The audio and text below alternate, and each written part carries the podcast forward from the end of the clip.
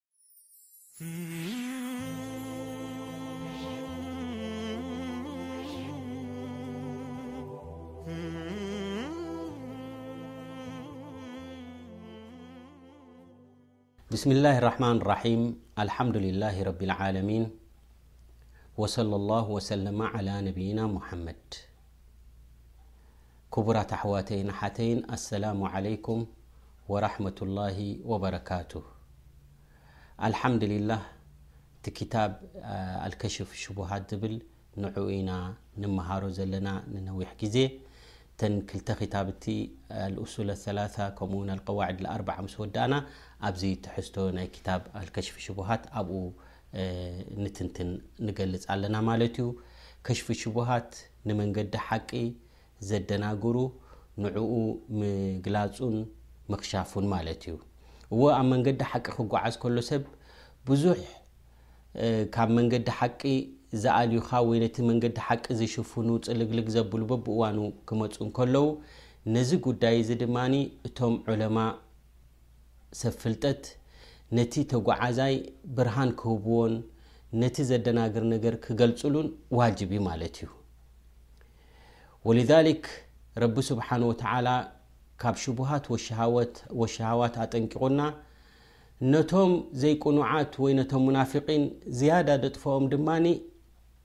ወይ ንወዲ ሰብ ውን ኩሉ ዝፍተነሉ እዘን ክልተ እዚኣተን እየን ማለት እየን። ከመይ ጌርካ ትድሕን ካብ ሹብሃ፣ ካብ ዘደናግሩ ነገር፣ ከመይ ጌርካ ትድሕን ካብ ካብ ሸሃዋት፣ ስምዒታዊ ቃሕታዊ ናይ ነፍሲ ዝኾነ፣ ንኽልቲኡ ብሰብር ወልየቂን ኢኻ፣ ብሰብሪ ነቲ ሸሃዋት ትከላኸሎ ማለት እዩ። ከምኡ ድማ ብየቂን ድማ ብዕልሚ ድማ ነቲ ሽቡሃት ድማ ትከላኸሎ ማለት እዩ ወሊሃذ ኣክበረ ስብሓን ን ሕቡጥ ኣዕማሊ ኣህሊ ሸሃዋት ወሽቡሃት እቶም ብቃሕታ ነፍሶም ዝኸዱን ከምኡ ድማ ብሽቡሃት በቲ ዘደናግር ዘይቅኑዕ ዝኾነ መንገድታት ዝኸዱ እዚኣቶም ስርሖም ቅቡል ከም ዘይኮነ ረቡና ዘ ወጀል ኣብ ሱረት ተውባ ከምዚ ይብል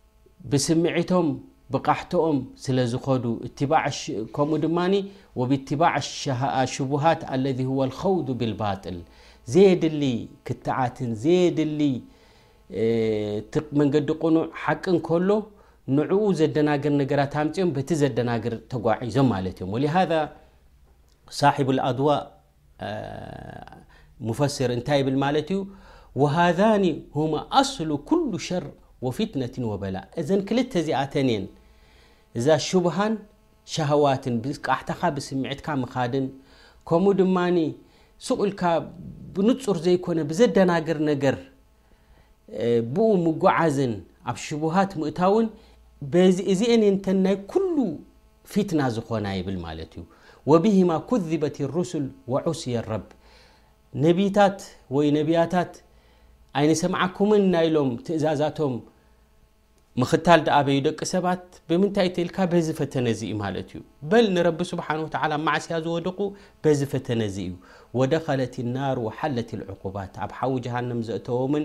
መቕፃዕቲ ናይ ረቢ ክወርዶም ዝተቓልዕሉ ምኽንያት እንታይ እንትርኣ ኢሉ እዘን ክልተ እዚኣን እየን ማለት እዩ ፈልኣወል ምን ጅሃት ሽቡሃት ተቐዳመይቲ ሽቡሃት መሓዝ ማለት እዩ ዘደናግሩ ኣብ ዲን በትን በትን ኢልካ ሓቅነት ዘይብሉ ነገራት ኣምጺኻ ከም ዲን ጌርካ ብኡ ተጓዒዝካ መንገዲ ሽርክን ናይ ጥፍኣትን ክትምራሕ እንከለኻ እዚ እቲ ሽቡሃት ማለት እዩ ዋድሕ ዝኾነ ብርሃን ዝኾነ ነቢ ዓለይሂ ሰላቱ ወሰላም ገዲፎምና እንከለዉ ነቲ ንጹር ዝኾነ ክንዲ ትሕዝ ነቲ ሽቡሃት ዘደናግር ነገራት ነትን ነትን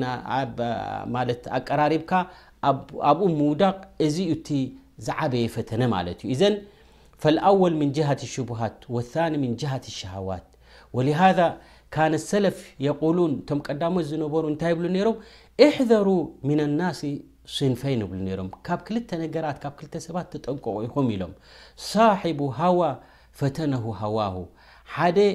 ወላ እኮ ፍልጠት እንተሃለዎ ብስምዒቱ ዝኸይድ ዝኾነ ብዘዳናግር ነገር ዝኸይድ ዝኾነ ካብዚ ተጠንቀቑ ኢኹም ኣብቲ ንጹር ዝኾነ ናይ ክታብን ናይ ሱናን ዘይጓዓዝ እንተ ኮይኑ ካብዚ ተጠንቀቑሉ ኢኹም ወሳሒቡ ዱንያ ኣዕጀበትሁ ዱንያሁ በዓል ኣዱንያ ኮይኑ ኣዱንያ ዕሻቶ በዚ ዘንፀባርቕ ነገራት ብኡ ዝምካሕን ብኡ ዕጁብ ዘለዎ እቲ ኮይኑ እውን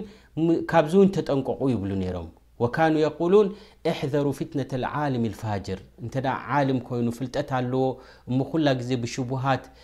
ብዘዳናግር ነገር ገይሩ ድጓዓዝ እንተ ኮይኑ ካብዚ ርሓቑ ኢኹም ወልዓብዱ ልጃህል ብደይ ፍልጠት ድማ ሱቕ ኢሉ ዕባዳ ጥራሕ ዝገብር እሞ ፍልጠት ዘይብሉ ዕልሚ ዘይብሉ ብድመሰሎ ጥራሕ ዕባዳ ዝገብር ዝኾነ ውን ካብዚ እውን ተጠንቀቑ ኢኹም ፈኢነ ፊትነተሁማ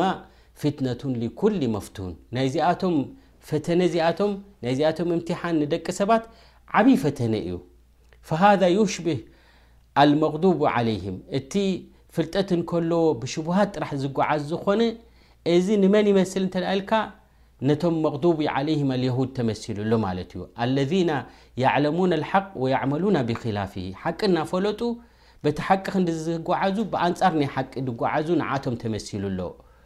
ወሃዛ ዩሽቢሁ ኣዳሊን ኣለዚነ ያዕመሉነ ቢገይሪ ዕልም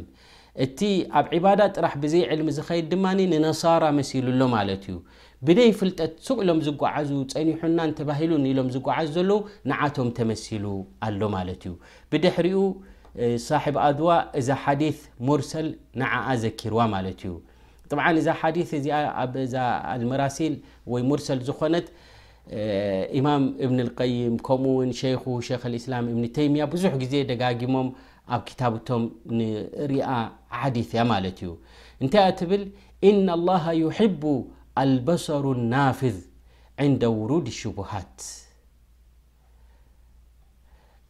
ረቢ ስብሓን ወተላ እንታይ ይፈቱ እንተ ኢልካ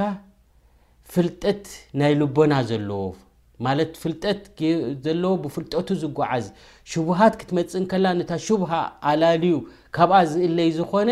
እዚ ፍትው እዩ ኣብ ረቢ ስብሓን ወተላ ሃዛ የድሉ ዓላ ቁወት ልዕልም ፍልጠቱ ዓሚቕ ምዃኑ ዘረድእ ማለት እዩ እና ላ ዩሕብ ልበሰሩ ናፍዝ ወዩሕቡ ዓቅሉ ልካምል ዕንደ ሕሉል ሸሃዋት ሸሃዋት ክመጽእ ከሎ ስምዒት ደስ ትብለካ ክመጽእ ከሎ ድማ ዓቃል ዝኾነ ብዓቕሉ ገይሩ እንታይ ዝገብር ማለት እዩ ካብቲ ሽቡሃት ሰብሪ ገይሩ ዝምለስ ድማ እዚ እውን ፍትው እዩ ኣብ ረቢ ስብሓን ወተዓላ ወልዛሊክ ቁወት ልዕልም ወቁወት ልዓቅል እዚ እቲ መጥሉብ ማለት እዩ ወሊሃዛ ረቡና ዓዘ ወጀል ክንእዶም ከሎ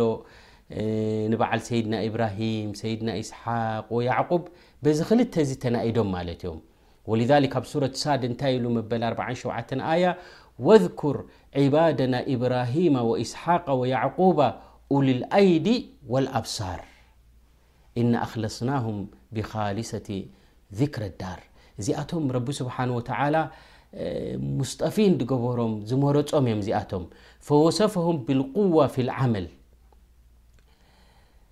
ረቢ ስብሓን ወተዓላ ብምንታይ ንኢድዎም ማለት እዩ ሓያላት ዝኾኑ ተባሂሎም ኡሊል ኣይዲ ተባሂሎም እንታይ ማለት እዩ ኣብ ስርሖም ኣብ ዕባዳ ናቶም ኣብ ጣዓ ናቶም ሓያላት ዝኾኑ ማለት እዮም ያኒ ማሻ ላ ጀለድ ዘለዎም ማለት እዩ ወልበሲራ ፊ ልዕልም ከምኡ ድማ ኣብ ዕልሚ ድማ በሲራ ዘለዎም ማለት እዩ ወኣስሉ ልቁዋ ቁወት ልቀልብ እቲ ናይ ብሓቂ ሓይሊ ሓያል ዝበሃል ሰብ ኣብ ምንታይ እዩ ተሓይሉ እንተ ተባሂሉ ኣብ ልቡ እዩ ዘሎ ማለት እዩ ኣልሙጅባ ሊመሓበት ልኸይር ወቡቕት ሸር ር ትፈቱ ሸር ትፀልእ እዚ ካበይ ዝተበገሰ ሓይሊ እንተ ተባሂሉ ኣብ ልቢ እዩ ዘሎ ማለት እዩ ፈኢነ ልሙእምን ቁወትሁ ፊ ቀልቢሂ ኣስላማይ ሙእምን ዝኾነ ሓይሉ ኣብ ምንታይ እዩ ዘሎ ኣብ ልቡ እዩ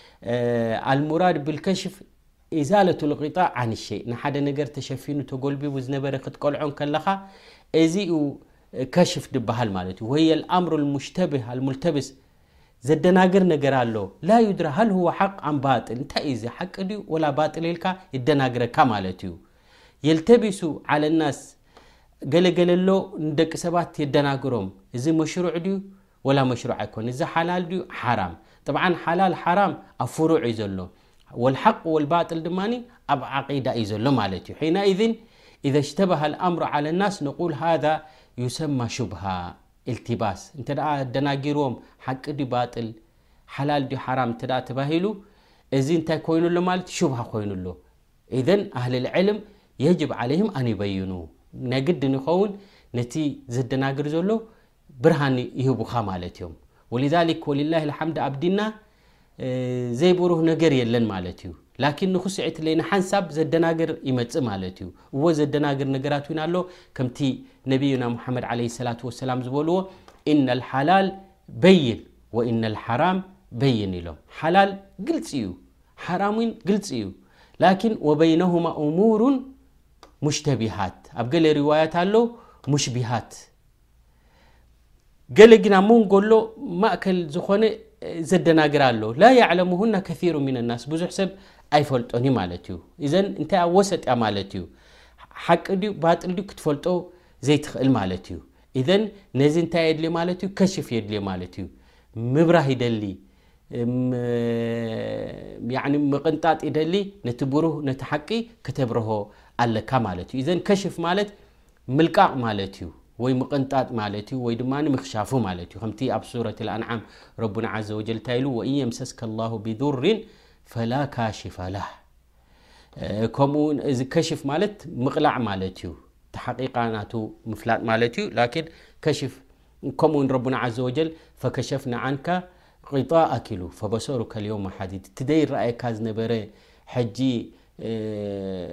የለን ትብሎ ዝነበርካ ኩሉ ሕጂ ተኸዊሉካ ዝነበረ እንታይ ኮይኑ ግልፂ ኮይኑ ማለት እዩ ኣብ የውም ኣልቅያማ ፈከሸፍና ዓንካ ቕጣኣክ ኢዘን ኣሎ ዘደናግር ነገር ሙሽተብህ ዝኾነ ነዚ ኢኻ ክትፈልጦ ዘለካ ክትመሃሮ ዘለካ ማለት እዩ ምክንያቱ ኸጠር ዩ እዚ ሽቡሃት እዚ ናብ ምንታይ እዩ ዝወስደካ በሪድ ናይ ኩፍር እዩ ንመንገዲ ናይ ኩፍር መንገዲ ናይ ኒፋቅ መንገዲ ናይ ቢድዓ ድወስድ እንታይ እንተ ተባሂሉ ምድንጋር እዩ ነቲ ሓቂ ዘይምፍላጥ እዩ ኢዘን ኣብ መንገዲ ሓቂ ክትጓዓዝ ከለኻ ኣየነይቲ ኣታ ሓቂ ክትፈልጣ ኣለካ ከምኡ ድማ ረቢ ስብሓን ወተዓላ ኣብዚ መንገዲ ሓቂ ምርሓኒ ኢልካ እውን ክትልምኖ ኣለካ ማለት እዩ